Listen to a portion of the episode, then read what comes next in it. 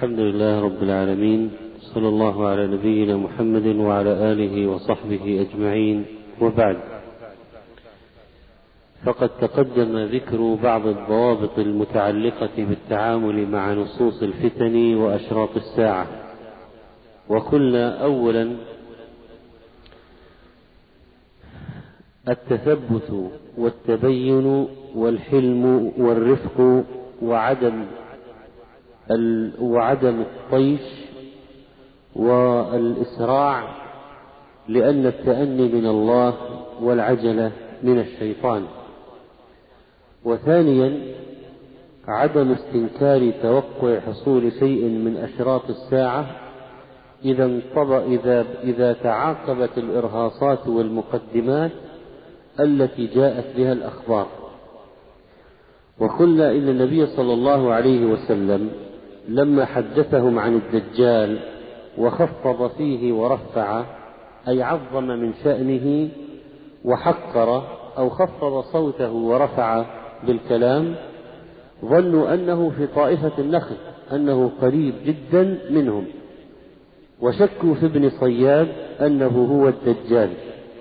بل إن منهم من أقسم أنه هو الدجال والنبي صلى الله عليه وسلم كان متوقفا في ابن صياد هل هو الدجال أم لا؟ حتى تبين أنه ليس هو وأن الراجح كما ذكر بعض المحدثين أن ابن صياد هو دجال من الدجاجلة. لكن الشاهد أن النبي عليه الصلاة والسلام لما ظهرت بعض العلامات على ابن صياد لم يستعجل في نفي أنه الدجال. بل توقف حتى ينظر هل تكتمل بقية العلامات أم لا.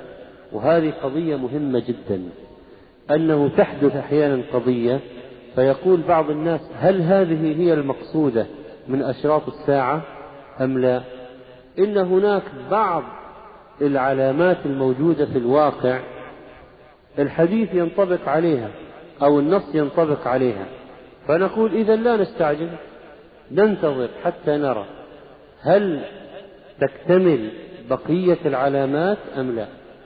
فلا نثبت ولا نمشي وننتظر ونتمهل حتى نرى هل تكتمل بقية العلامات أم لا.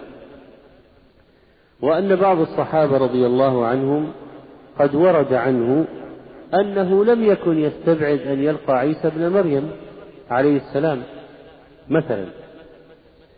وكذلك فإن من الضوابط أننا أننا في التعامل مع أشراط الساعة لا نتكلف إيجادها بأعمال من عندنا لأنها أمور كونية وقدرية واقعة لا محالة وأننا غير مطالبين باستخراجها من عالم الغيب إلى عالم الشهادة وتحقيقها في الواقع. فلو قال قائل كما ضربنا مثلا يحسر الفرات عن جبل من ذهب.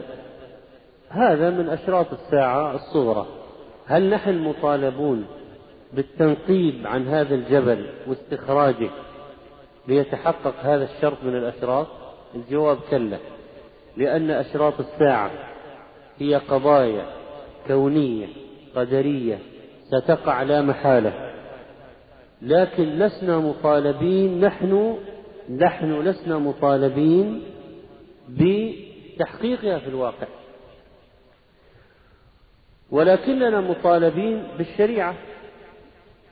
وإذا نزل عيسى بن مريم يجب علينا أن نقاتل معه. وإذا ظهر الدجال يجب علينا أن نكذبه. وهكذا. إذا نحن مطالبون بالشريعة ولسنا مطالبين بتحقيق أشراط الساعة في الواقع. فلو واحد قال مثلا من أشراط الساعة أن يكثر المال وتفشو التجارة هل نحن مطالبين بتكثير المال وإفشاء التجارة؟ لا. نحن نعمل ما فيه المصلحة لنا فإن كانت المصلحة في توسيع التجارة وسعناها وإن كانت المصلحة في تحصيل المال حصلناه. من أشراط الساعة مثلا فشو القلم يعني الكتابة يدخل فيها المطابع مثلا. هل نحن مطالبين بنشر المطابع في العالم وتكثير طباعة الكتب مثلا؟ لمجرد تحقيق هذا الشرط لا. لسنا مطالبين بتحقيقها لكن نفعل ما فيه المصلحة الشرعية. فإن كانت المصلحة الشرعية في طباعة ونشر الخير نشرناه بغض النظر هل هو من أشراط الساعة أو ليس من أشراط الساعة. وكذلك من من الضوابط أيضا أن يراعى الترتيب الزمني لتسلسل الأشراط. إذا وجد ترتيب معين دلت عليه نصوص الوحي الشريف. وعدم القطع بزمان أو ترتيب لا دليل عليه. يعني نجد في بعض النصوص الشرعية ذكر ترتيب معين للأشراط يحدث كذا ثم كذا ثم كذا. طيب. نحن نؤمن بهذا الترتيب ونعتمده. ولكن هناك علامات لم يرد فيها ترتيب معين. فلا نستطيع أن نجزم بترتيب معين بغير دليل. بعض الناس حاولوا الجزم قالوا معناه سيحدث كذا ثم كذا ثم كذا. ما هو الدليل على الجزم بهذا الترتيب؟ لا دليل.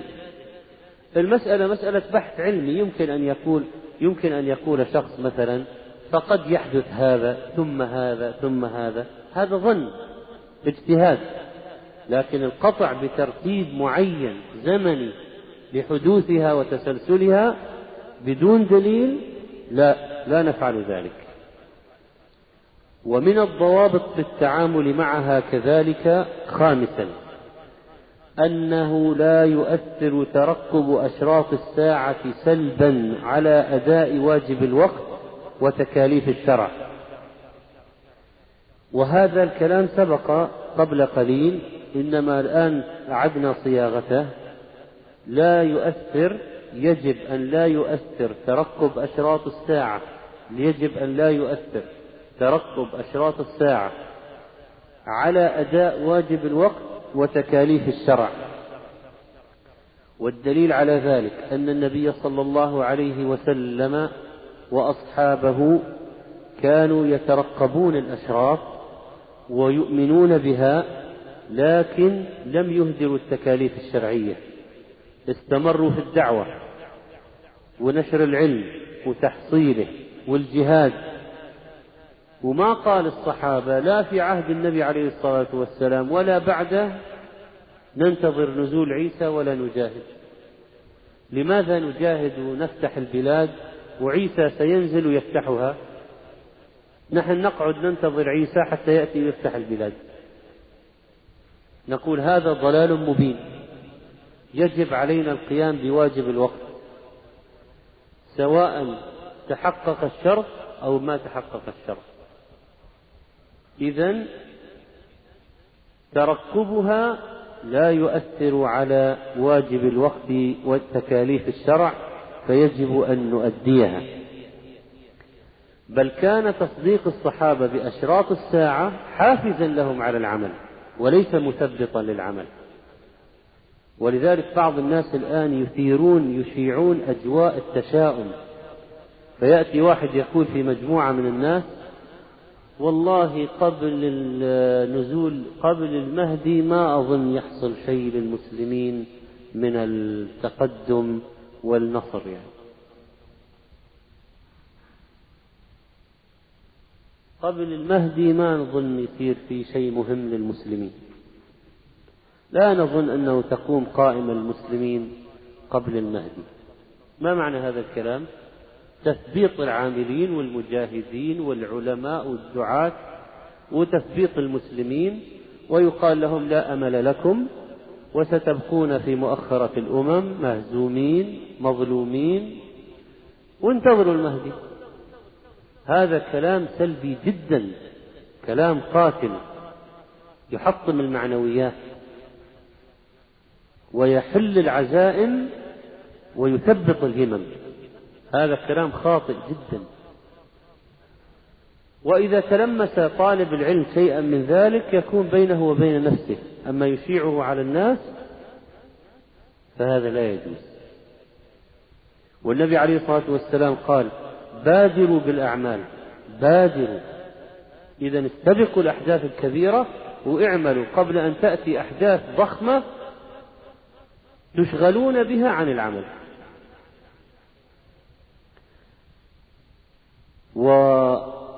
والنبي عليه الصلاة والسلام كان يعمل يترقب الساعة. وقد خسفت الشمس على عهد النبي صلى الله عليه وسلم فقام النبي صلى الله عليه وسلم فزعا يخشى أن تكون الساعة. الحديث البخاري. فزعا يخشى أن تكون الساعة. فأتى المسجد فصلى بأطول قيام وركوع وسجود. وفي رواية أنه أخطأ بدرع فأدرك بردائه. يعني من هول ما استشعره لما صار كسوف الشمس خرج إلى المسجد مستعجلا يريد رداءه فأخذ بالخطأ درع زوجته. درع الزوجة. فأخطأ بدرع فأدرك بردائه. يعني لحقه إنسان بردائه وأعطاه إياه. فلو قال قائل عرفنا الآن أن ترقب الساعة لا يمنع من العمل بل يجب أن نعمل قبل أن يأتي ما يشغلنا. فلماذا ظن النبي عليه الصلاة والسلام أن الساعة قامت مع أنه في قبلها أمارات في هذا النص؟ يعني أين الدجال وأين عيسى وأين يأجوج ومأجوج؟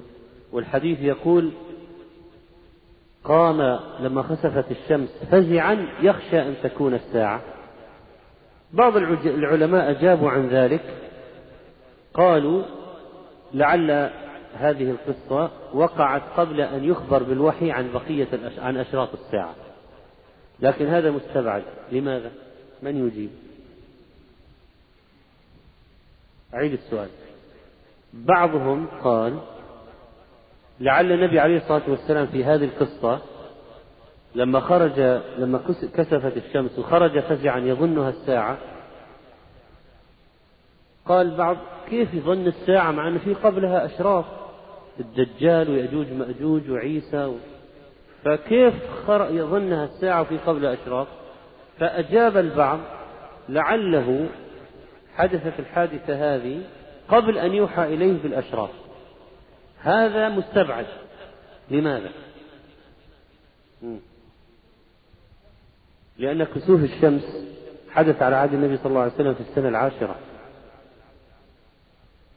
هذا في موت إبراهيم ابنه السنة التي توفي فيها ابن إبراهيم. إذا ليس هذا هو السبب ومختصر ما يمكن الإجابة به أنه خشي أن يكون ذلك بعض المقدمات. يعني أن هذا الكسوف مقدمة لقيام الساعة وستأتي أشياء أخرى. ومن شدة خوفه من ربه وحياة قلبه لأن صاحب القلب الحي إذا جاء شيء يفزع. يعني يخشى أن يكون من غضب الله من عذاب الله. مثل لو جاءت ريح أو جاء غيم أصحاب القلوب المتبلدة يقولون عادي. النبي عليه الصلاة والسلام كان إذا رأى الغيم دخل وأقبل وأدبر وانزعج انزعج ما يستطيع أن يعني يبقى ساكنا قال ما يؤمنني أن يكون فيه عذاب؟ لقد رأى قوم هذا الريح قالوا هذا عارض ممطرنا هو صار في عذاب.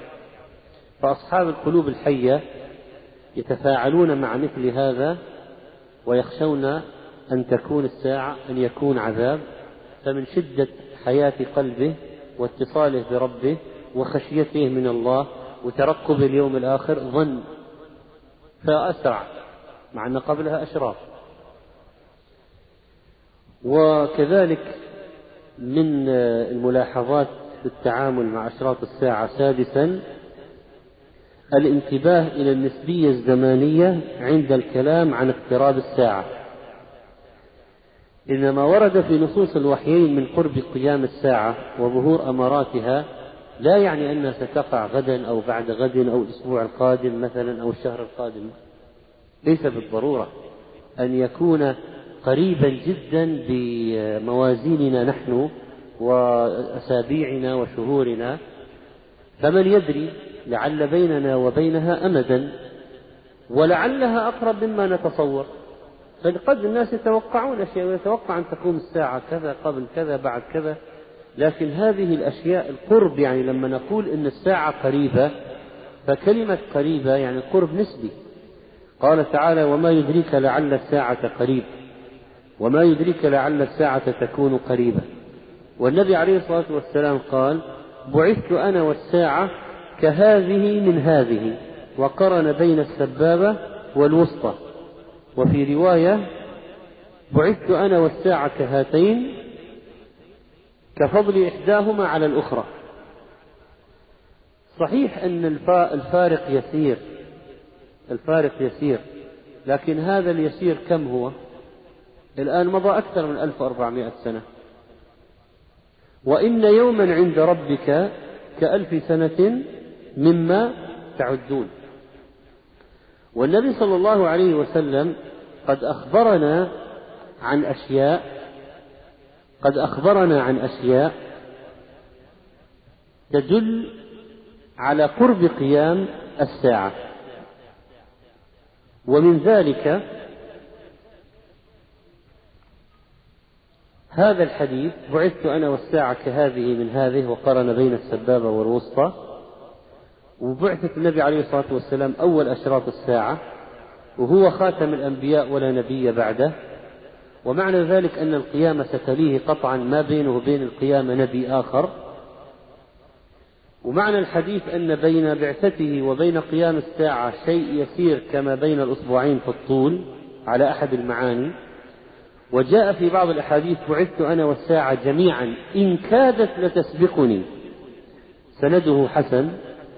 وفي حديث بعثت في نسم الساعة والنسم أول هبوب الريح. ومعنى الحديث بعثت حين ابتدأت وأقبلت أوائلها. وكذلك فإن النبي صلى الله عليه وسلم قد أخبر أن صاحب القرن إسرافيل قد التقم القرن. معناها من أول ما كان ملتقم القرن وهو الصور الذي سينفخ فيه. وحنى جبهته. وعينه كوكبان ذريان متجهة نحو العرش. ينتظر متى يؤمر؟ ما نفعل يا رسول الله؟ قولوا حسبنا الله ونعم الوكيل. إذا هو أخبرنا أن القضية اقتربت وبعثته أول الأشراط وصاحب القرن إسرافيل التقم القرن يعني وضعه في فمه الذي سينفخ فيه. والآن إسرافيل عيناه على العرش. وحنى الجبهة كهيئة المستعد للنفخ. فهو ينتظر متى يؤمر بالنفخ. إذا المسألة قريبة لكن هذا القرب نسبي. فليس معناه لما قال الكلام أنه بعد أسبوع أو شهر من من الكلام الذي قال أنه ستقوم. وقد مضت هذه المدة ولم تقم الساعة. إذا القرب نسبي لكن لا شك أننا الآن بالنسبة للساعة أقرب بكثير أقرب مما كان لما قال النبي صلى الله عليه وسلم ما قال. وقد قال تعالى في القرآن اقترب للناس حسابهم. وقال اقتربت الساعة وانشق القمر. وقال إنهم يرونه بعيدا ونراه قريبا. وقال عليه الصلاة والسلام مرة وكان أصحابه جلوسا معه والشمس على قعيقعان. وهو جبل بمكة بعد العصر. هذا الكلام قيل بعد العصر. قال ما أعماركم في أعمار من مضى إلا كما بقي من النهار فيما مضى منه. ما أعماركم في أعمار من مضى إلا كما بقي من النهار فيما مضى منه. إذا هو أخبرنا أنه بعث في نسم الساعة والنسم هو الريح الضعيفة مبدأ الهب العاصفة. هي العاصفة لما تهب تبدأ بنسم تبدأ بريح ضعيفة ثم تشتد. فقال بعثت في نسم الساعة إذا هو الآن افتتح الأشراف. بعثته افتتحت الأشراف. واللي بقي من الدنيا قليل لأنه قال لنا ما أعماركم في أعمار من مضى؟ إلا كما بقي من النهار فيما مضى والكلام قيل بعد العصر. قال الحافظ سنده حسن. وروى البخاري عن ابن عمر عن النبي صلى الله عليه وسلم قال إنما أجلكم في أجل من خلا من الأمم ما بين صلاة العصر إلى مغرب الشمس. إذا الفترة الزمنية لهذه الأمة بالنسبة للأمم السابقة كفترة ما بين العصر والمغرب بالنسبة لبقية النهار. قال ابن حجر معناه أن نسبة مدة هذه الأمة إلى مدة من تقدم من الأمم مثل ما بين صلاة العصر وغروب الشمس إلى بقية النهار. فإذا كان النهار مثلا طوله 12 ساعة فرضا وبين العصر والمغرب ساعتين فرضا فنحن اثنين إلى 12 مثلا. والمراد بالتشبيه التقريب. يعني كما قال العلماء أن مدة عمر هذه الأمة بالنسبة للأمة السابقة الخمس. نحن الخمس. قال ابن كثير في البداية والنهاية. وهذا يدل على أن ما بقي بالنسبة إلى ما مضى كالشيء اليسير. لكن لا يعلم مقدار ما بقي إلا الله عز وجل. ولم يجئ فيه تجديد تحديد يصح سنده عن المعصوم حتى يصار إليه. ويعلم نسبة ما بقي بالنسبة إليه ولكنه قليل جدا بالنسبة إلى الماضي. هذه الخلاصة أن ما بقي قليل جدا بالنسبة إلى الماضي. ومنه تعلم أن الحديث المنتشر عند العامة عند العامة حتى يرونه يعني بلهجة عامية لا لا تمت بصلة إلى الفصحى. يقول تولفاني أو لا تولفاني. قلت وش هذه تولفاني أو لا تولفاني؟ قال يعني إنه ما تدركون ألفين سنة ولا ما تدركون ألفين سنة. فهذا حديث بدوي لا حقيقة له ولا صلة له بالعلم. فإذا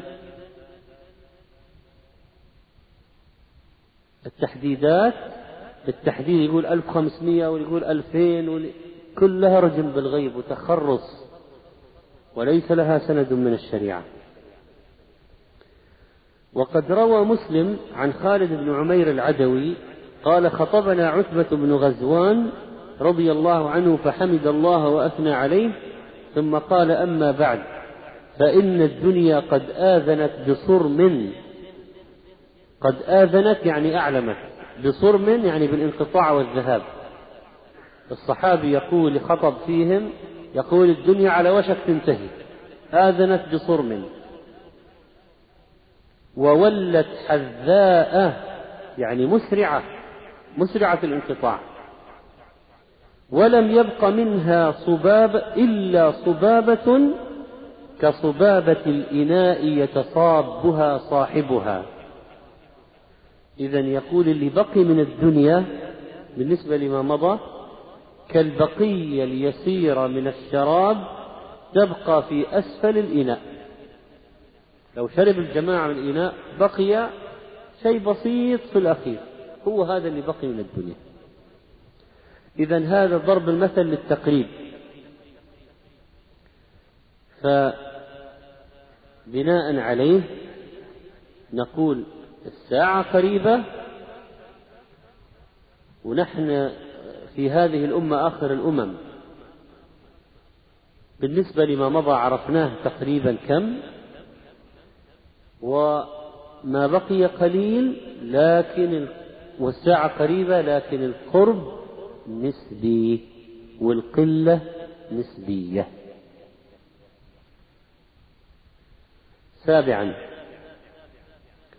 أنه لا يمكن إسقاط النصوص التي يتطرق إليها الاحتمال على واقع معين إلا بعد وقوعها وانقضائها.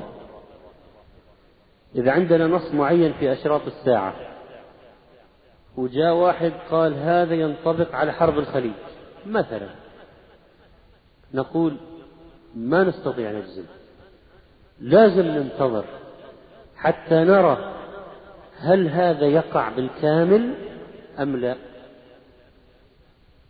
فقد كان من هدي السلف رحمهم الله أنهم لا ينزلون أحاديث الفتن على واقع حاضر. أنتم تذكرون قبل أكثر من عشر سنين لما صارت الحرب بعض الناس تذكر حديثا في سنن أبي داود تصالحون الروم صلحا آمنا فتقاتلون أنتم وإياهم عدوا من ورائكم ف تنتصرون تغنمون. ثم يقوم رجل من النصارى يقول غلب الصليب فيقوم إليه رجل المسلمين فيقول كذا يقتله ثم تقع قال بعضهم هذا هو. قال بعضهم في ذلك الوقت هذا هو. هذه فرضية. انتظر حتى نرى. بعض الكلام معروف كذبه من أول. والشكوك والريبة واضحة في تفسير النص الذي يفسره بعض الناس. يعني يمكن نسف الكلام من أوله أحيانا. وأحيانا ما تستطيع أن تنسف الكلام من أوله لكن لا تستطيع أن تجزم به أيضا. فتقول انتظر. حتى تعرف هل حديث أبي داود هذا هو المقصود في هذه الحرب ولا لا انتظر. فإذا وقع ما في الحديث كاملا قلنا هذا المقصود بالنص. أما أننا ننزل النص على الحدث وما عندنا صورة كاملة للحدث تنطبق على الصورة الكاملة الموجودة في النص هذا غلط. وهذه المشكلة التي وقع فيها كثير من الكتاب وكثير من الناس وساحات الإنترنت يأخذون نص في أشراط الساعة يقول هذا الحدث هو هذا المقصود بالحديث. لماذا تتسرع؟ انتظر. لا تنزل النص على الواقع حتى ترى بقية الحدث. ولذلك نلاحظ أن عامة شراح الحديث لو مسكت أي كتاب أحاديث شرح البخاري شرح مسلم شرح مسلم مثلا تجد أن شراح الكتاب أفاضوا في شرحه في الأبواب المختلفة يعني في الطهارة في الصلاة في النكاح في الجهاد في البيوع في وصف الجنة والنار. لما يأتي الفصل أو الباب أو الكتاب الذي يتكلم عن الفتن والملاحم وأشراط الساعة تجد أن شروح العلماء فيها قليلة بالنسبة للأبواب الأخرى ليه قليلة؟ بل إنهم أحيانا لا يكادون يذكرون إلا معاني المفردات بخلاف ما يحصل من بعض المتعجلين اليوم الذين يسردون لك قصصا طويلة في حديث واحد من أشراط الساعة.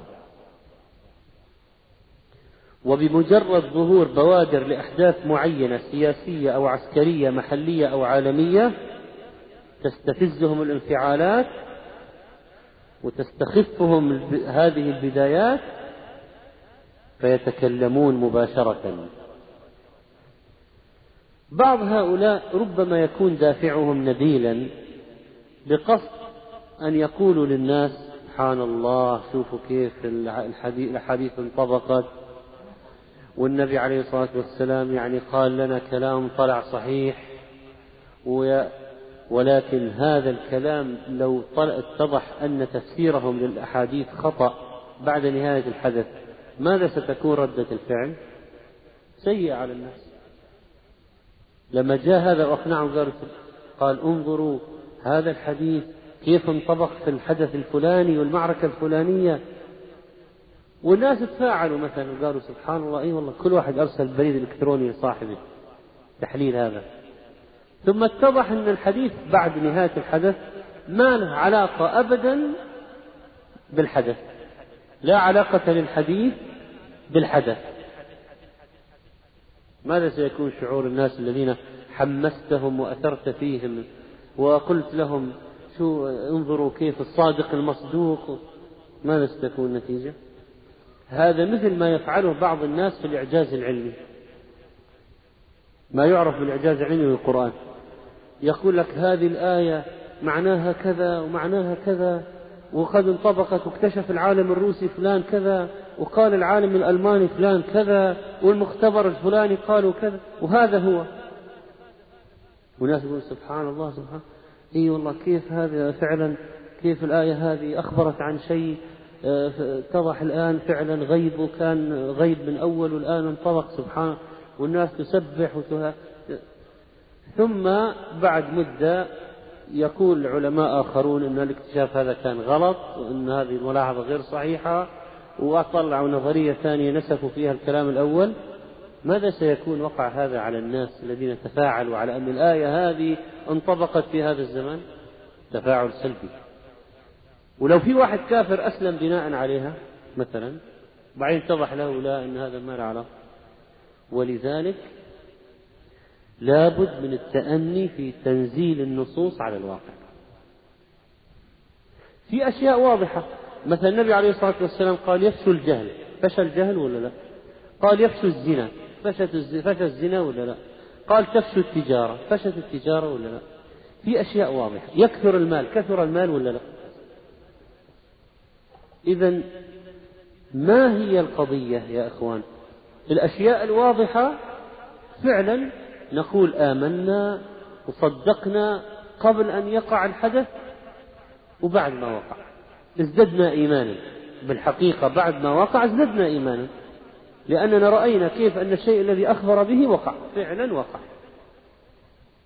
لو جاء واحد قال لك في أحاديث الدجال أنه يصعد جبل أحد مثلا وينظر إلى المدينة ويقول لمن معه ترون هذا القصر الأبيض هذا مسجد أحمد.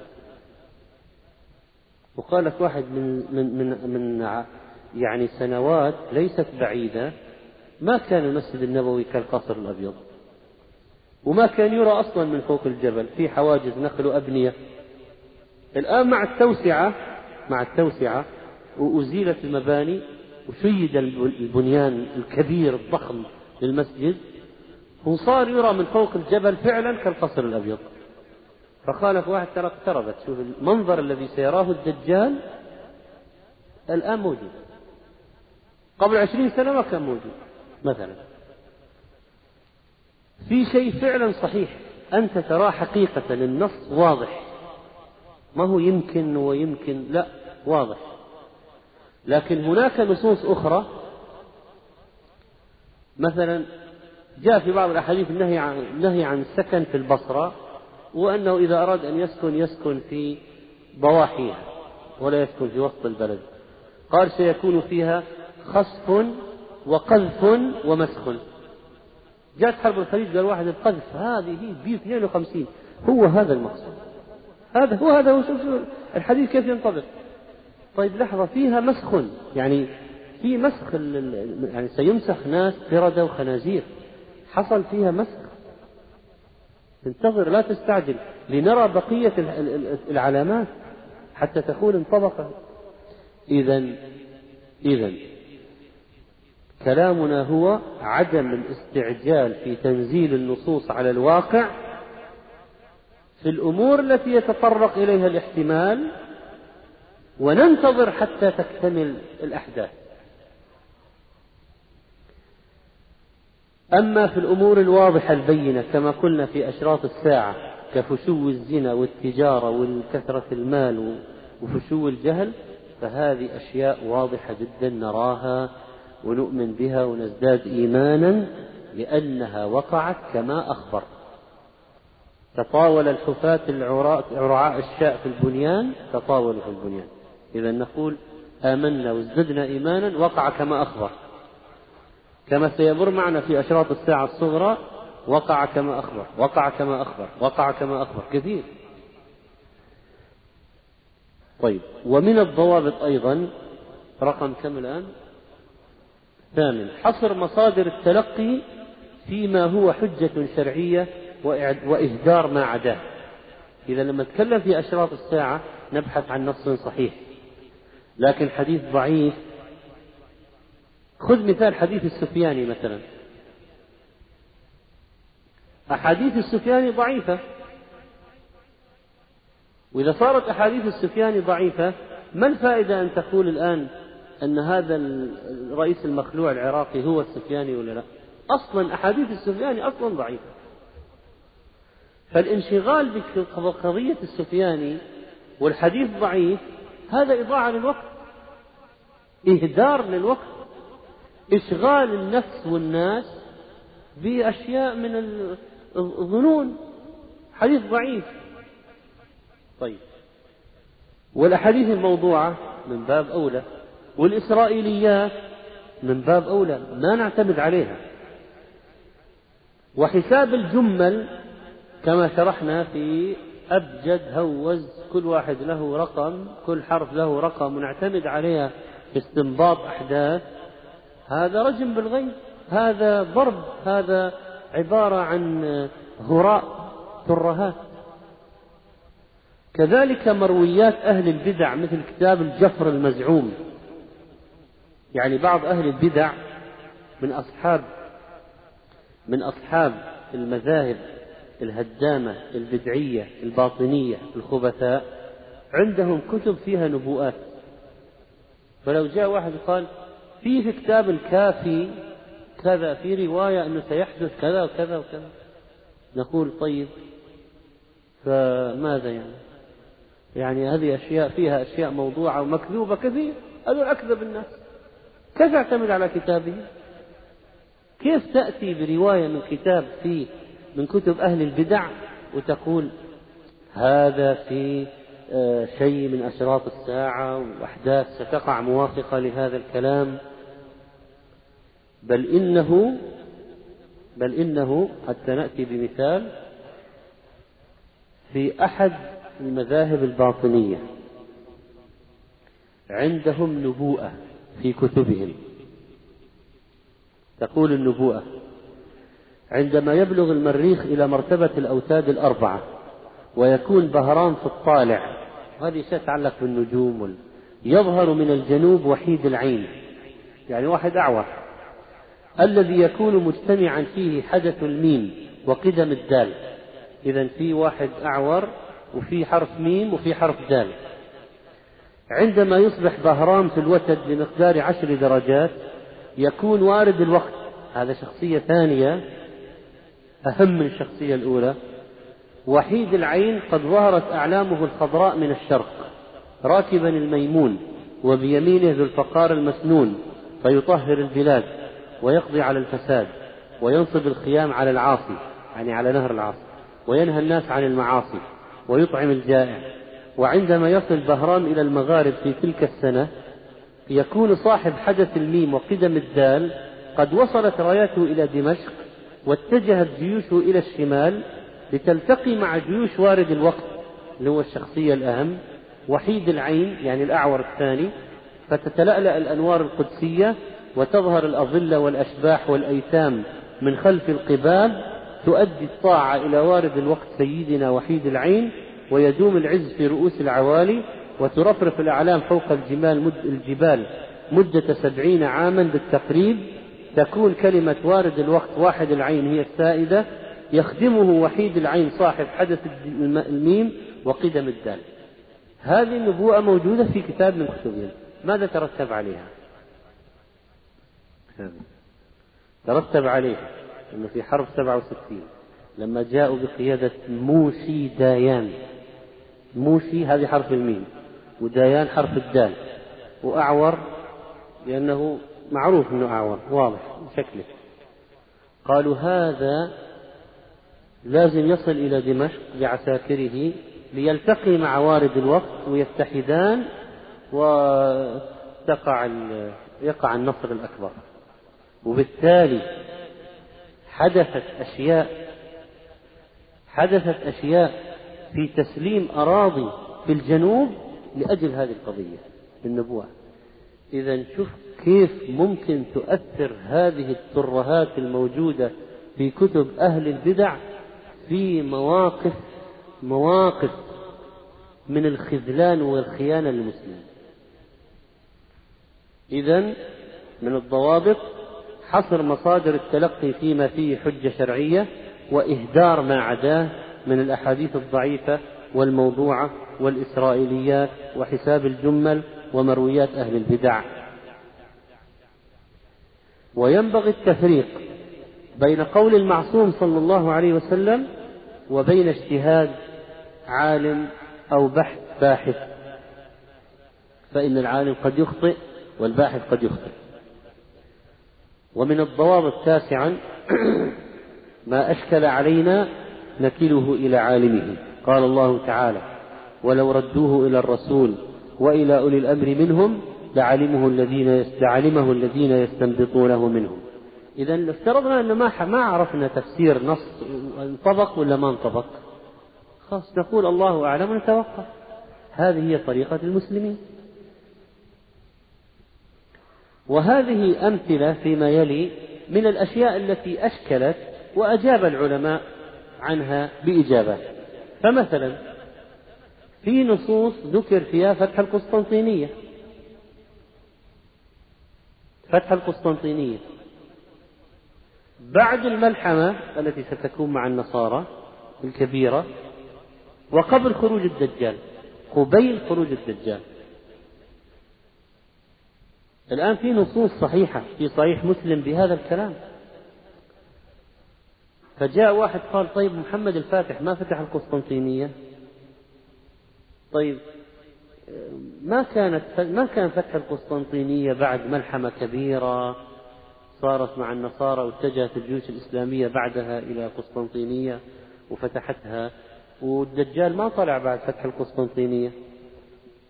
لأن الحديث فيه أنهم إذا انتهوا من فتح القسطنطينية صرخ الشيطان أن الدجال خرج فيذهبون لملاقاته فيخرج فعلا. يعني الدجال بعد فتح القسطنطينية مباشرة. هذا أشكل على بعض الناس فأجاب العلماء المعاصرون أن القسطنطينية ستفتح فتحا آخر غير الفتح الأول. الفتح المقصود من أشراط الساعة فتح القسطنطينية. الذي سيكون بعد معركة مرج دابق اللي بيننا وبين 960 ألف نصراني من حملة الصليب. وقبل ظهور الدجال مباشرة هذا الفتح الذي سيكون بدون سلاح وإنما بالتكبير سيكبر المسلمون فيسقط جزءها الذي في البر ويكبر المسلمون فيسقط جزءها الذي في البحر. يفتتحون المدينة بالتكبير بدون قتال. هذا الفتح للقسطنطينية غير الفتح الذي فتحه محمد الفاتح. ولا يبعد أن المدينة يدخلها المسلمون يفتحونها ثم تعود مدينة نصرانية ثم تعود مدينة كافرة. هذه الأندلس أكبر شاهد. أما كانت يوما من الأيام بلادا إسلامية فعدت الزمان ومر مرت الأيام وصارت بلادا نصرانية إذا لا يشكل علينا آه، الفتح القسطنطيني الذي حدث لمحمد الفاتح لأن الفتح المقصود بحديث الحديث الآخر فتح آخر. ليس هو الذي حدث. مثال آخر. ورد وصف الأسلحة التي ستستعمل في حروب آخر, آخر الزمان كما في الملحمة الكبرى بيننا وبين النصارى خيول وفوارس وقال إن المسلمين يرسلون عشرة فوارس. إني لا أعرف أسماءهم وألوان خيولهم. خير فوارس على وجه الأرض. طيب. بينما هم قد علقوا سيوفهم في غصن أغصان الزيتون صرخ الشيطان أن الدجال قد خرج. يعني فيها سيوف العملية. فيأتي عيسى إلى الدجال فيقتله بحربة في يده. إذا المسألة فيها حربة. حربة وسيوف ويأجوج ومأجوج معهم النشاب ويرمون بأقواسهم سهام إلى السماء وتعود مخضبة بالدم فتنة لهم طيب إذا فيها سهام وسيوف وخيول وحربة إذا الآن يقف بعض الناس يقول كيف هذا؟ طيب الدنيا الآن صواريخ وكروز وليزر وطيارات قاذفات إيش؟ قنابل نووية فنقول نحن الآن إما أن يتبين لنا فيها شيء فنقول مثلا إن هذه الأشياء ممكن تزول. كما جاءت ممكن تزول. ممكن هذه الاختراعات هذه المدنية تزول. ممكن إذا انتهى النفط وانتهت توقفت الكهرباء انتهت خلاص انتهت المصانع وانتهت والأسلحة هذه ستصبح خردة ويرجع الناس مرة أخرى إلى الخيام والخيول والسيوف ما, ما هل هناك مانع من هذا؟ يعني هل هناك هل هذا محال أن يحدث؟ ليس محالا كما جاءت ممكن تنتهي ومر فترات على البشرية كانوا في فترة مثلا في قوم عاد أو ثمود أو مثلا قوم الله قال لما قارن قوة قريش بعاد وثمود قال مكنا لهم ما لم نمكن لكم يعني أعطيناهم حضارة وقوة ما عطى ما عند ما هي عندكم. مثلا فرعون قوة فرعون والبناء والأشياء الموجودة عند الفراعنة ما مرت بعد بعد الفراعنة مرحلة. كانوا مثلا الناس في مصر أقل تقدما من اللي كان أيام الفراعنة. وارد؟ إذا هذه الأشياء ممكن تنتهي ويأتي مثلا وقت آخر فيه يرجع الناس فيه إلى الأسلحة البدائية؟ وارد. طيب واحد جاء قال يمكن هذه رموز مثلا الحربة هي آر بي جي والسيف هو كلاشينكوف. يعني طبعا نقول هذا خلاف الظاهر. يعني الأصل أن ألفاظ الشارع بلسان عربي مبين. ما يستعمل هذه يعني هذه صارت رموز يعني. يعني معناها صارت ما هي حربة وليس سيفا. ولا خيلا ولا كذا. خلاص صار خيل دبابة وصارت رموز. وإذا سويناها رموز هذا خلاف ظاهر النص.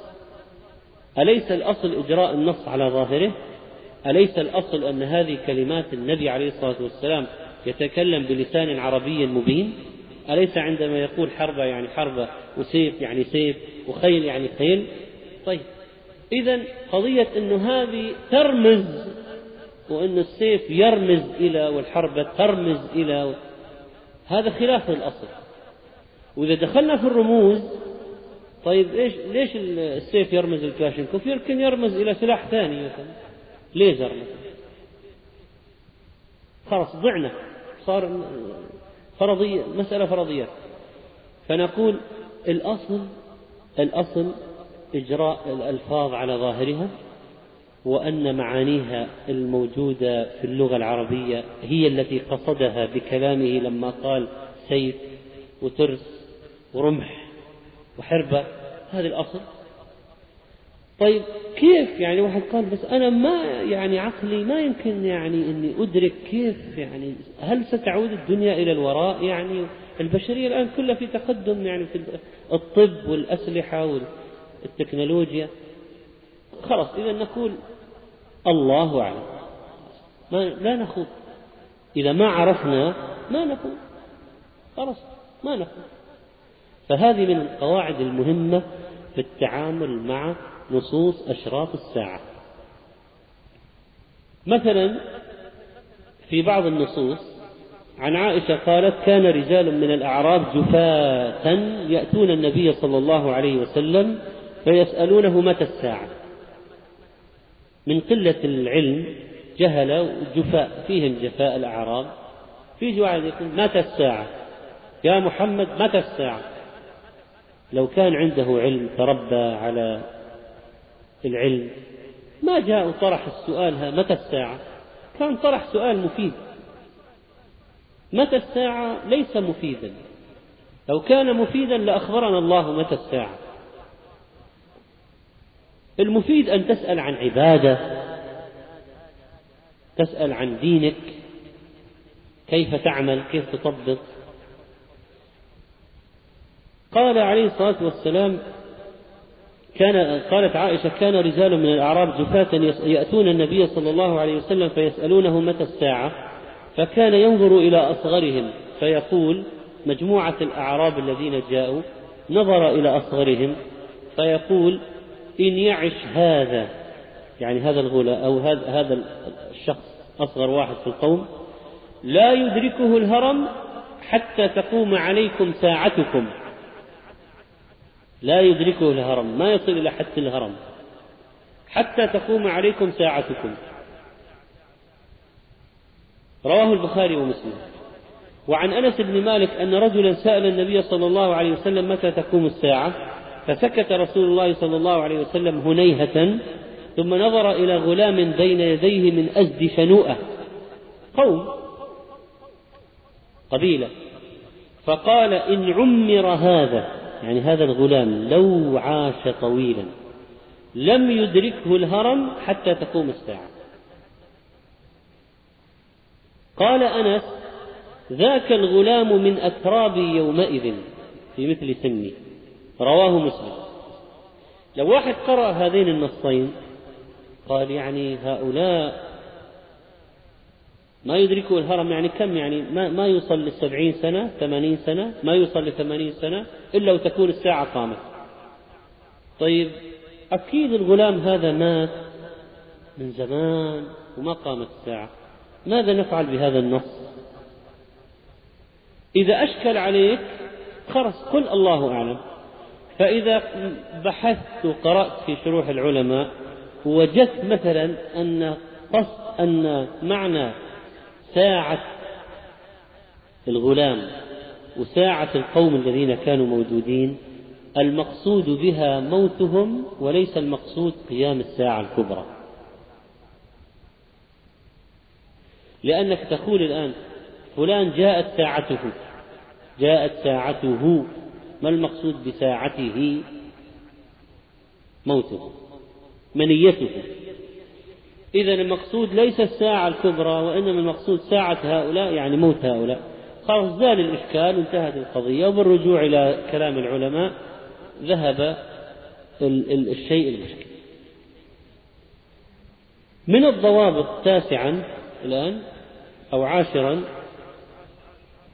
لا نعطل السنن والأسباب بحجة انتظار الفرج المذكور في بعض أشراط الساعة. وهذا سبقت الإشارة إلى شيء منه في مسألة المهدي وأن بعض الناس يرى بمذهب الجبرية والاستسلام للواقع وعدم التغيير وعدم القيام بجهد دعوي ولا إنكار منكر ولا محاولة الإصلاح يقول لأن في أشراط الساعة إن شاء الله الفرج في نزول عيسى وقبله ظهور المهدي فننتظر. هذا هروب إلى الأماني هذا تعطيل للأسباب الشرعية. والله قال ليس بأمانيكم ولا أماني أهل الكتاب من يعمل سوءا يجزى به.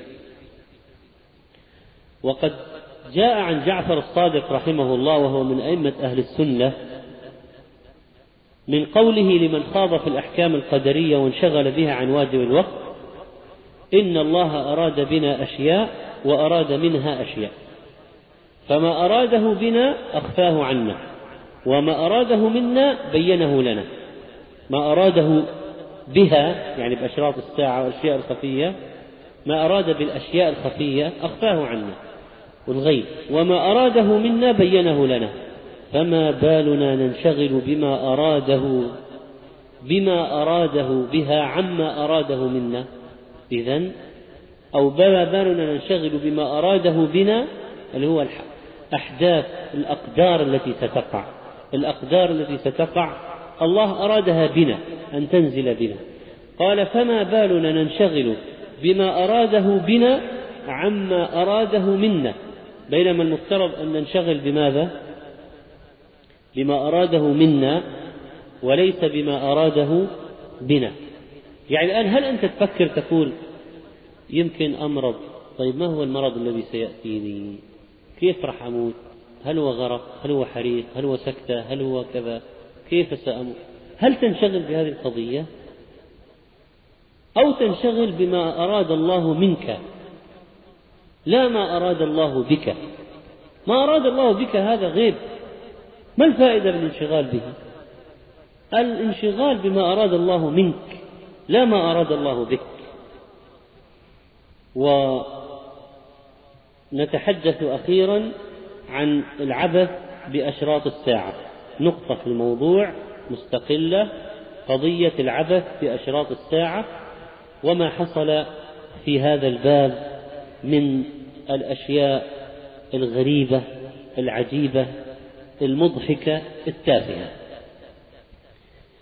لقد شاع في السنوات الأخيرة أيها الإخوة والكلام هذا نطيل فيه قليلا لأنه صار فيه كتابات مؤلفات كتب صار فيه محاضرات وصار فيه كلام على الإنترنت وفي مواقع الإنترنت وعدد الذين قرأوا الموضوع كذا واللي علقوا كذا وأشياء أكثرها جهل مركب.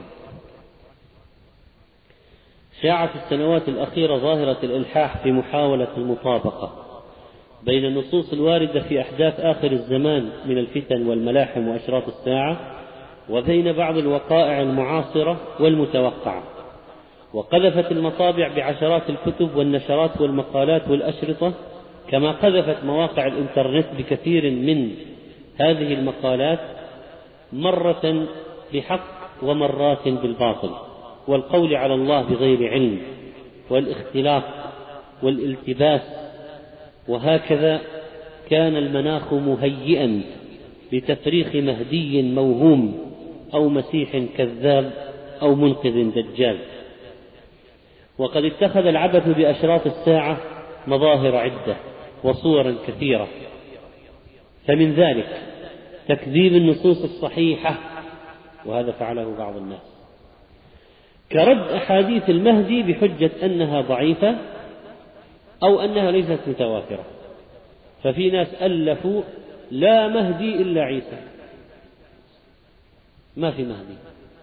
محمد بن عبد الله من آل النبي عليه الصلاة والسلام قالوا هذه شخصية وهمية لا توجد.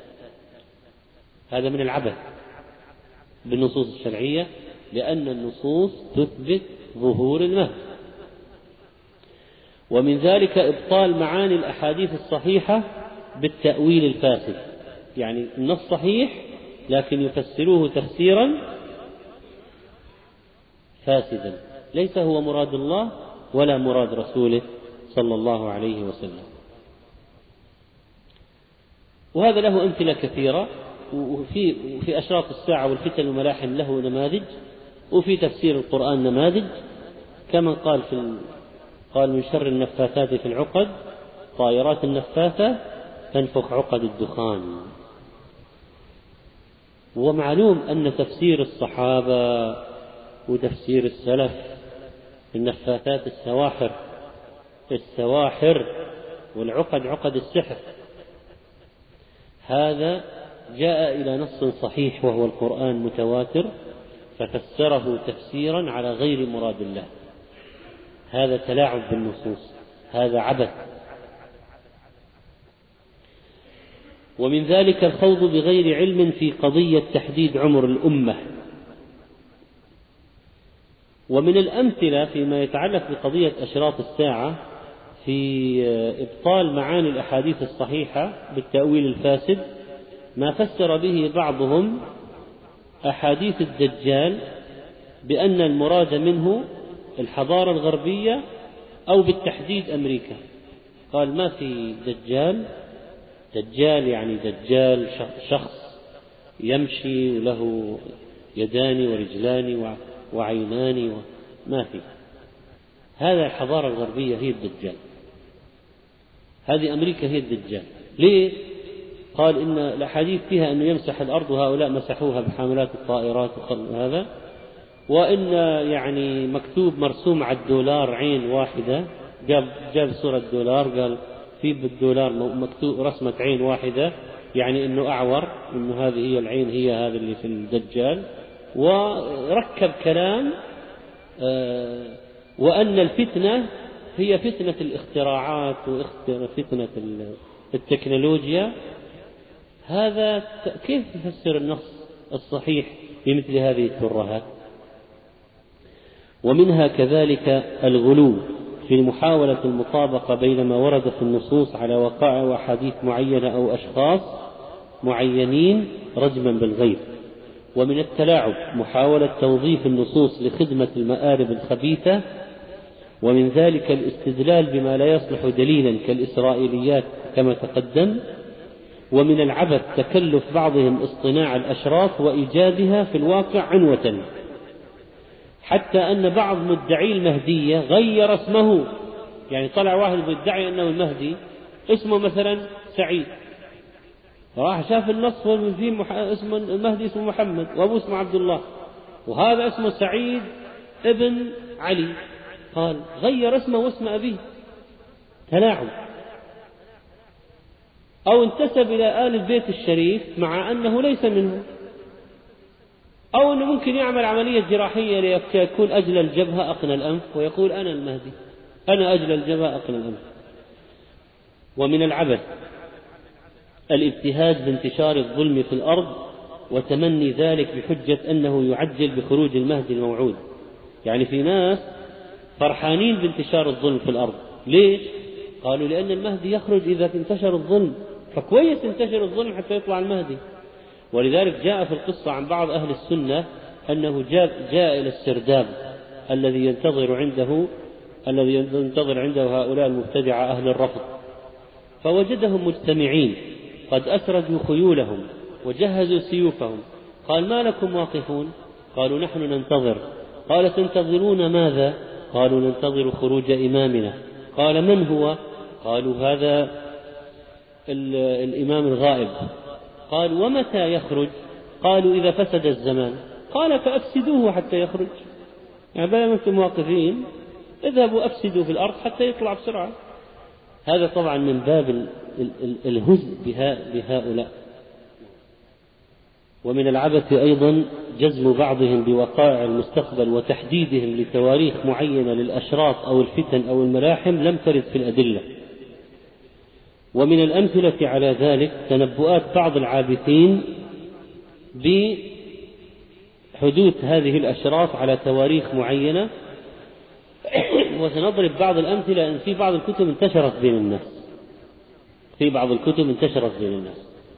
فهذا كتاب صاحب فهذا صاحب كتاب أسرار الساعة يقول تحت عنوان السيناريو المحتمل لتسلسل حوادث الفتن. طبعا هذا الكتاب ألف من سنوات.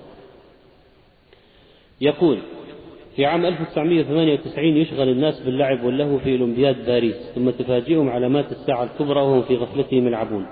خاصة أنه قرأ في غفلتهم يلعبون فالآن هذه أولمبياد يلعبون. في واحد واحد 1999 وفي الساعات الأولى من صباح يوم الجمعة 15 رمضان 1419 يتم ارتكاب العمل الكوني المفزع وهو تفجير المسجد الأقصى. وفي نفس اليوم تصل طلائع القوات الغربية وتنزل في الأردن وتحاصر بيت المقدس. بعد تفجير الأقصى مباشرة يتم دخول الجيوش الغربية للأردن وفلسطين وتطوق القدس حماية لليهود حتى يكملوا بناء الهيكل مكان المسجد. في يوم الثلاثاء 25 محرم 1420 وبالتحديد يعني باليوم يظهر المهدي ويكون بين ظهور المهدي ونزول عيسى ثمانية أشهر. في واحد ربيع الثاني 1420 ينطلق صاروخ نووي من الخليج إلى أوروبا مستهدفة الفاتيكان حسب الخطة المرسومة. المشكلة ودنا في عند المسلمين خطة مرسومة. يقول وفي واحد وفي 19 ربيع الثاني 1420 يتم إلقاء قنبلة نووية أمريكية تدمر الخليج. في جمادى ورجب شعبان 1420 تبدأ الملحمة الكبرى من مقر قيادة المسلمين في دمشق تحت قيادة المهدي عليه السلام. في 15 شعبان 1420 يخرج المسيح الدجال في فتنته الكبرى حيث يدعي الألوهية ويظهر, ويظهر المعجزات لفتنة الناس. في يوم الجمعة 1 1 2000 ميلادي الموافق 25 رمضان 1420 تشرق الأرض بنور النبي والرسول العظيم عيسى عليه السلام ينزل في المقدس والمسلمون بقيادة المهدي ويحاصرهم الدجال هناك. ثم يقول وهذه النتيجة تكاد تتفق تماما مع ما يعلنه ويبشر به أهل الكتاب عن طريق الحساب الموجود في كتبهم وهو ما يعتقده كثير من الرهبان والقادة الكبار في العالم الغربي وقد توصلنا إلى ذلك ولله الحمد. شوف كلامه الآن يعتبر أن كلامه نعمة أن الاكتشاف هذا نعمة عن طريق الاعتماد على أحاديث رسولنا العظيم صلى الله عليه وسلم. طبعا هذا افتراء هذا افتراء وعندما يراه الدجال يعني عندما يرى عيسى يهرب من القدس متوجها إلى أكبر مطارات إسرائيل وهو مطار اللد الدولي. ولكن عيسى يلحق به قبل أن يقلع بطائرته. يعني قبل ما يطير الدجال بالهليكوبتر ويقتله قرب باب اللد الشرقي. وفي عام 2007 يموت عيسى عليه السلام وتكون نهاية الدنيا عند طلوع الشمس من مغربها في عام 2010 للميلاد. أما مؤلف كتاب هرمجدون وهذا الفترة منتشر الآن. هذه ما هي قضية يعني نحن نضحك والذي عنده علم بالموضوع آه، يعرف أن هذا هزء وسخرية. لكن المشكلة أن كثير من البسطاء والسذج يصدقون الكلام. صاحب كتاب هرمج الدون يرى أن قنطرة مصر قناة السويس هي المذكورة في رواية نعيم نعيم بن حماد عن الزهري قال إذا اختلفت الرايات السود فيما بينهم أتاهم الرايات الصفر فيجتمعون في في قنطرة أهل مصر فيقتتل أهل المشرق وأهل المغرب سبعا ثم تكون الدبرة على أهل المشرق. ويزعم أن الرايات السود المنتشرة هي قوات طالبان وقوات التحالف الشمالي والرايات الصفر هي القوات الغربية. ثم يرجح أن 2012 هي النهاية وليست بداية النهاية. أما أحدهم ولا داعي لذكر اسمه فإنه يرى أن أنسب تفسير لحديث فتنة الدهيماء الآن فتنة الدهيماء مذكورة في حديث صحيح عن النبي عليه الصلاة والسلام. فتنة الدهيماء عامة شاملة لا تدع أحدا إلا لطمته لطمة يرى أن اضطراب أحوال العالم أن فتنة الدهيماء أنسب تفسير لها هو مشكلة الصفر في الكمبيوتر الذي سيكون عام 2000 تتوقف جميع الأجهزة. طبعا مر عام 2000 وطلعت القضية لعبة من, من الشركات الكبرى وما وصرفت الأموال وما توقفت الأجهزة ولا صار شيء. ومن عبث هؤلاء القول القوم بأشراط الساعة وقولهم على الله بغير علم أنهم يجزمون كما يفعل أحدهم يقول أستطيع أن أحلف ولا أستثني. أن ملاحم آخر الزمان والتي تبدأ بالحرب العالمية الثالثة والأخيرة هرمج الدون قد كشرت عن أنيابها وشمرت عن ساعديها وكشفت عن ساقيها. فهذا كتاب صاحب صاحب كتاب أسرار الساعة يقول إن آه، يقول عن نفسه ومعلوم للقاصي والداني. هذا هذا ماذا يقول؟ يعني إن الدجال موجود في مثلث برمودا وأن الدجال هو صاحب الأطباق الطائرة. يقول ومعلوم للقاصي والداني أنني بصفتي الكاتب محمد عيسى داود عضو نقابة الصحفيين. والمستشار الإعلامي للمؤسسة الفلانية الصاحب الأوحد لفكرة أن المسيح الدجال هو مخترع الأطباق الطائرة وأن له قلعة بمثلث برمودا ولا يوجد كاتب في الدنيا قال بذلك غيري وقد تعدى علي فلان بسرقة أبحاثي وانتحلها لنفسه. ليتها تسوى علشان يسرقها. قال وقد أبلغت النيابة العامة عنها لتحريك الدعوة ضده بتهمة السرقة الفكرية. وقد يسأل قارئ الحبيب كيف اهتديت إلى كل هذه المعلومات بلا مصادر؟ وأقول بل هناك مصادر فالقراءة الواعية ثم استقراء الأحداث ورفع درجات حدث الحدس والاستبصار ثم التدبر والتأمل وكثير من فكري وومضات من البرق واستنارات مفاجئة هي التي أخرجت هذه الأشياء. فهو يقول في نهاية السابع من عام 1999 سيهبط ملك الفزع العظيم من السماء وسيحكم المريخ لصاحب الحق وسيكون دمارا مروعا. تلك واحدة من أكثر نبوءات نستراداموس فزعا ورعبا كما يقول المحللون وهي آه، كارثة ضخمة ستحيط ستحيط بالكرة الأرضية في 1999 إلى آخره. وهذا يحتج بمتنبئ منجم فلكي يهودي عاش في القرن السادس عشر الميلادي يعتبر من أدلته. يعني الآن هذا يستند على كلام ماذا؟ يحتج بكلام نستراداموس هذا مع أن النبي عليه الصلاة والسلام نهانا عن سؤال الكهان. كيف يلجأ إلى نبوءات الكهان الكاهن هذا؟ نستراداموس. علما أن أضيف على نستراداموس كلام كثير ما قاله أصلا. والنبي عليه الصلاة والسلام قال للصحابي معاوية بن الحكم السلمي لا تأتهم. لما قال الصحابي وإن منا رجالا يأتون الكهان قال لا تأتيهم. فلا يجوز أن تأتيه شخصيا ولا أن تفتح موقع الإنترنت تبع الكاهن وتسأل أو تقرأ. لا يجوز إتيانه لا إلكترونيا ولا حضوريا ولا بالهاتف. وقال عليه الصلاة والسلام من أتى عرافا فسأله عن شيء لم تقبل له صلاة أربعين يوما. وقال من أتى كاهنا أو عرافا فصدقه بما يقول فقد كفر بما أنزل على محمد صلى الله عليه وسلم. ما هي سبب هذه الظاهرة؟ قضية ظهور كتابات مؤخرا كتاب هرمجدون والمسيح الدجال وأسرار الساعة. لماذا ظهرت هذه الكتب؟ وصدقها أو يعني شوشت على كثير من الناس. كثير من الناس يعني قرأوا قالوا يمكن يكون صح كلامه معقول. طبعا منها الأحداث الضخمة التي تحدث في العالم. يعني لما تحدث في العالم أحداث ضخمة حروب كبيرة مثلا فتن كبيرة للمسلمين اضطهاد مثل مذابح البوسنة والهرسك إلى آخره. مثلا مذابح المسلمين في فلسطين الشيشان إلى آخره. يعني آه، تثور في النفوس مشاعر في نفوس المسلمين ويتطلعون للخلاص. ويترقبون قائدا أو شيئا يأتي من من الغيب ويأتي من يعني غير طبيعي. فيريدون الخلاص نفسيا فيأتي هؤلاء يبثون لهم كتب. وفيها مثل هذا الكلام فينشغل المسلمون وهم يبحثون عن حل ومخرج في هذا النفق من هذا النفق في خضم الأحداث هذه والمذابح مثلا ليجدوا هؤلاء قد رتبوا لهم الأحداث وسلسلوها وبالتواريخ وكيف ستنتهي الأزمة وكيف سينتصر المسلمون.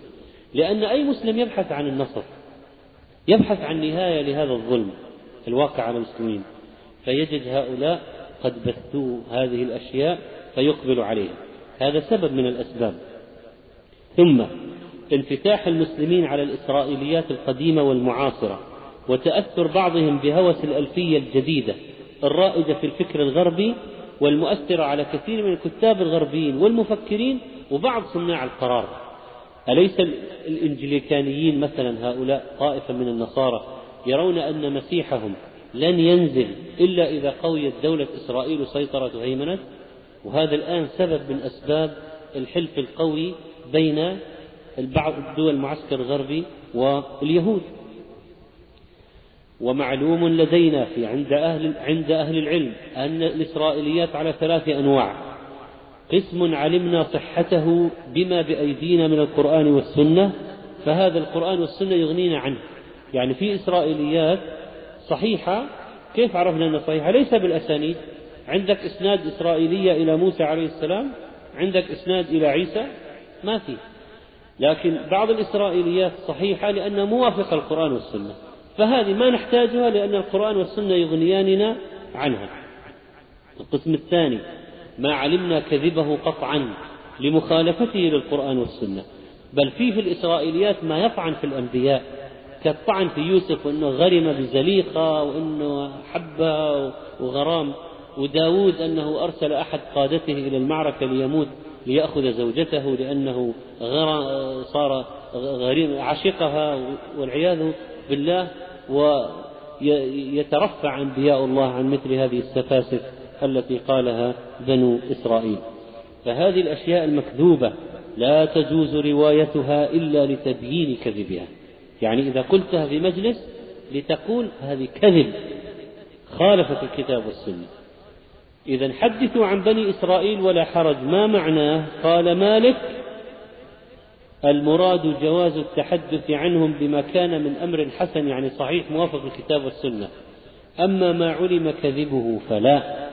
يقول مالك أما ما علم كذبه فلا.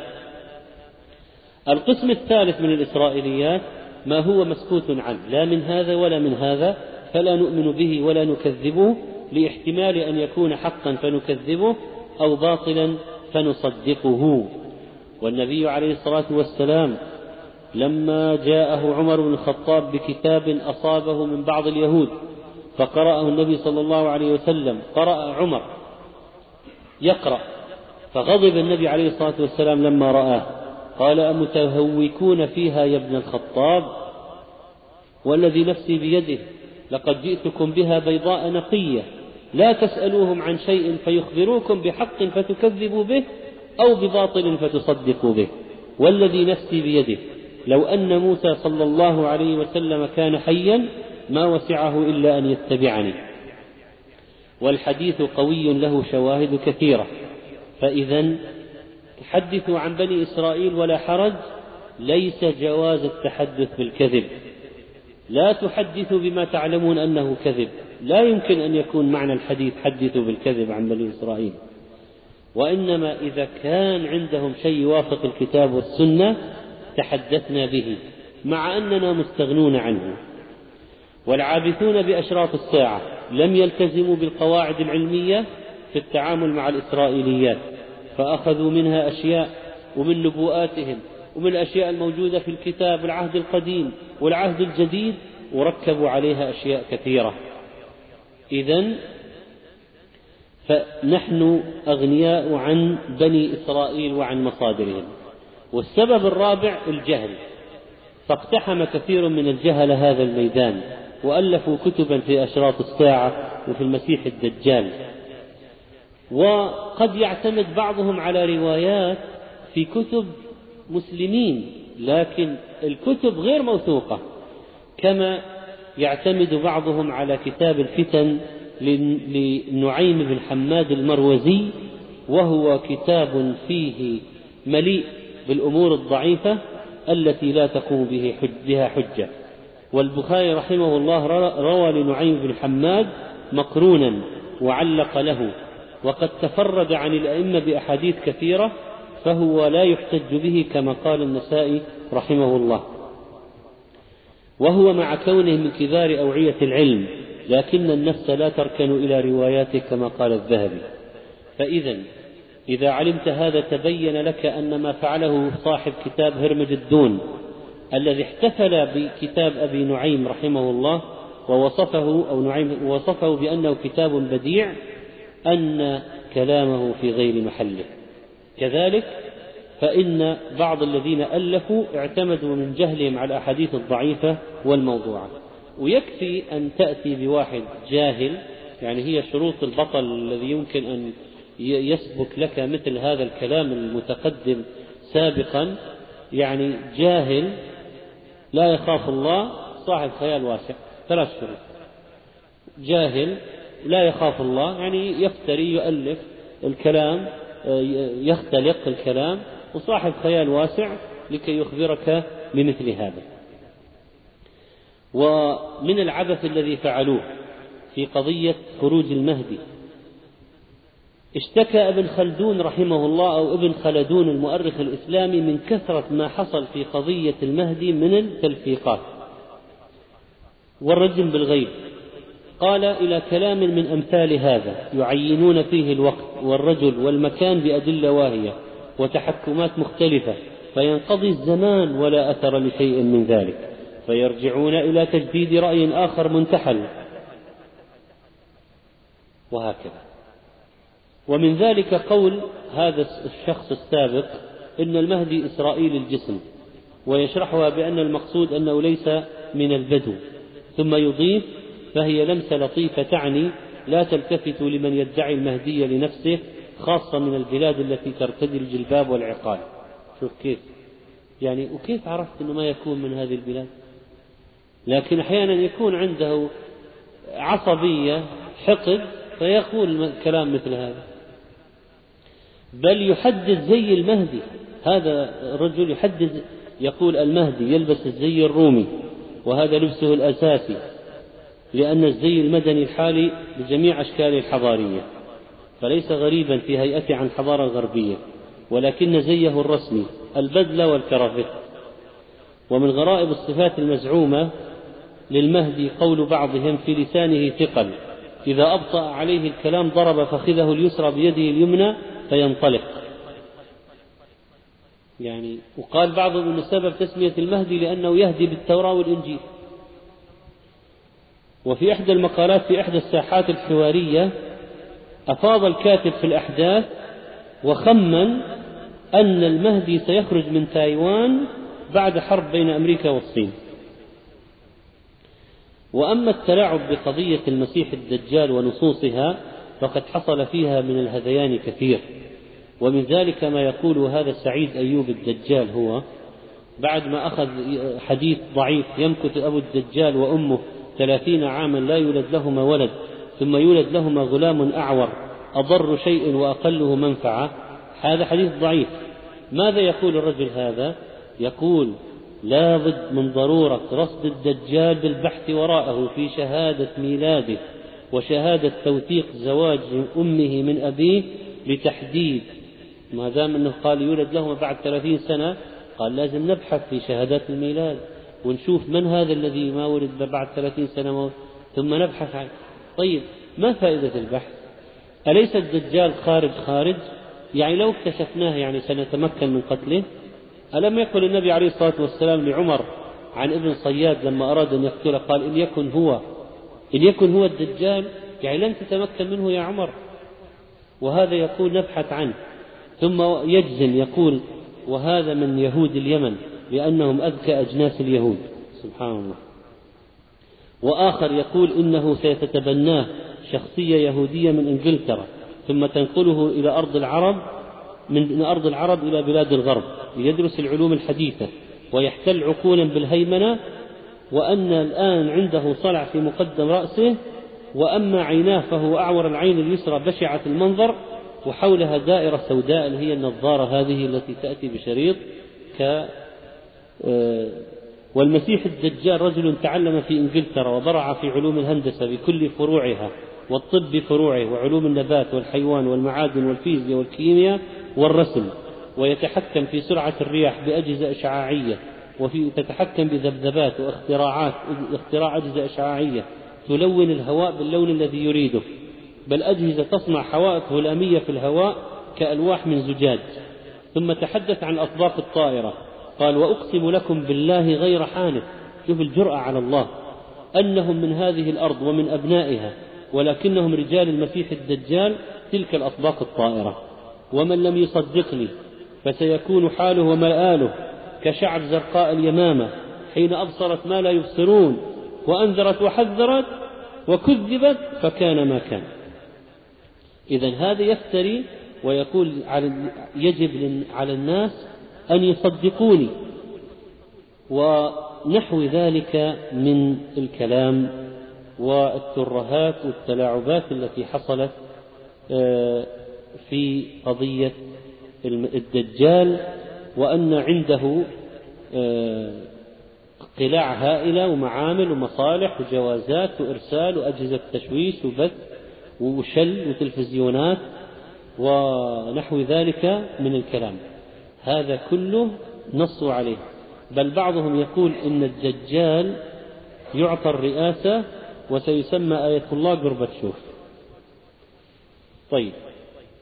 الكلام هذا طبعا موجود في كتب ومبثوثة بين الناس ومبثوثة على شبكة الإنترنت.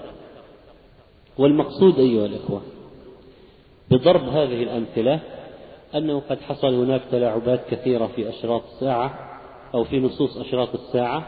ذكرنا أمثلة لها ليعلم كيف المسألة هذه تروج على بسطاء وسذج وبعض الناس يعتقد فيها اعتقادات جاءني شخص أنا في المسجد هذا قال أنا أبغاك في موضوع خاص جدا جدا ما هو؟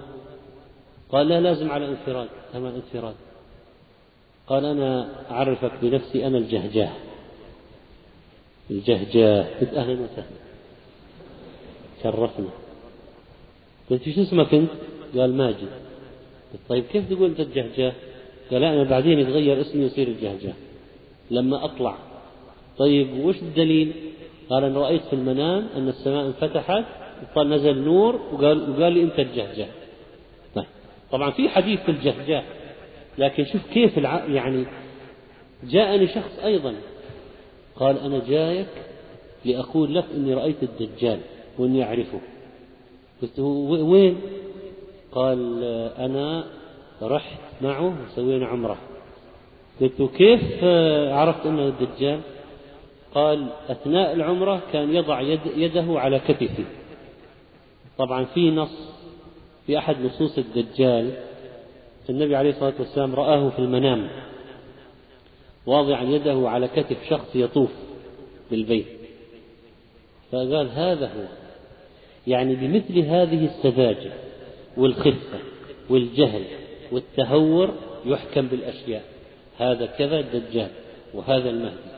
وهذا الجهجع وهذا السفياني وهذا كذا بغاية من الحمق فعلا تستغرب يعني كيف أن هل هو هذا يعني كان آه، طلع بالخطأ من مستشفى الأمراض العقلية؟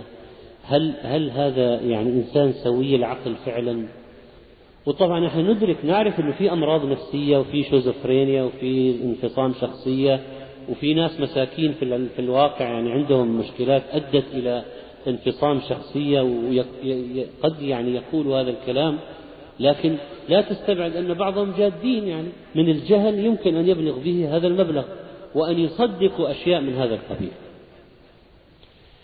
سنتحدث بمشيئة الله تعالى في الدرس القادم عن أشراط الساعة الصغرى التي ظهرت وأشراط الساعة الصغرى التي لم تظهر بعد وننهيها بمشيئة الله في درسنا القادم وهو الدرس الثالث لنبدأ بعدها في الأشراط الكبرى بمشيئة الله عز وجل. صلى الله على نبينا محمد.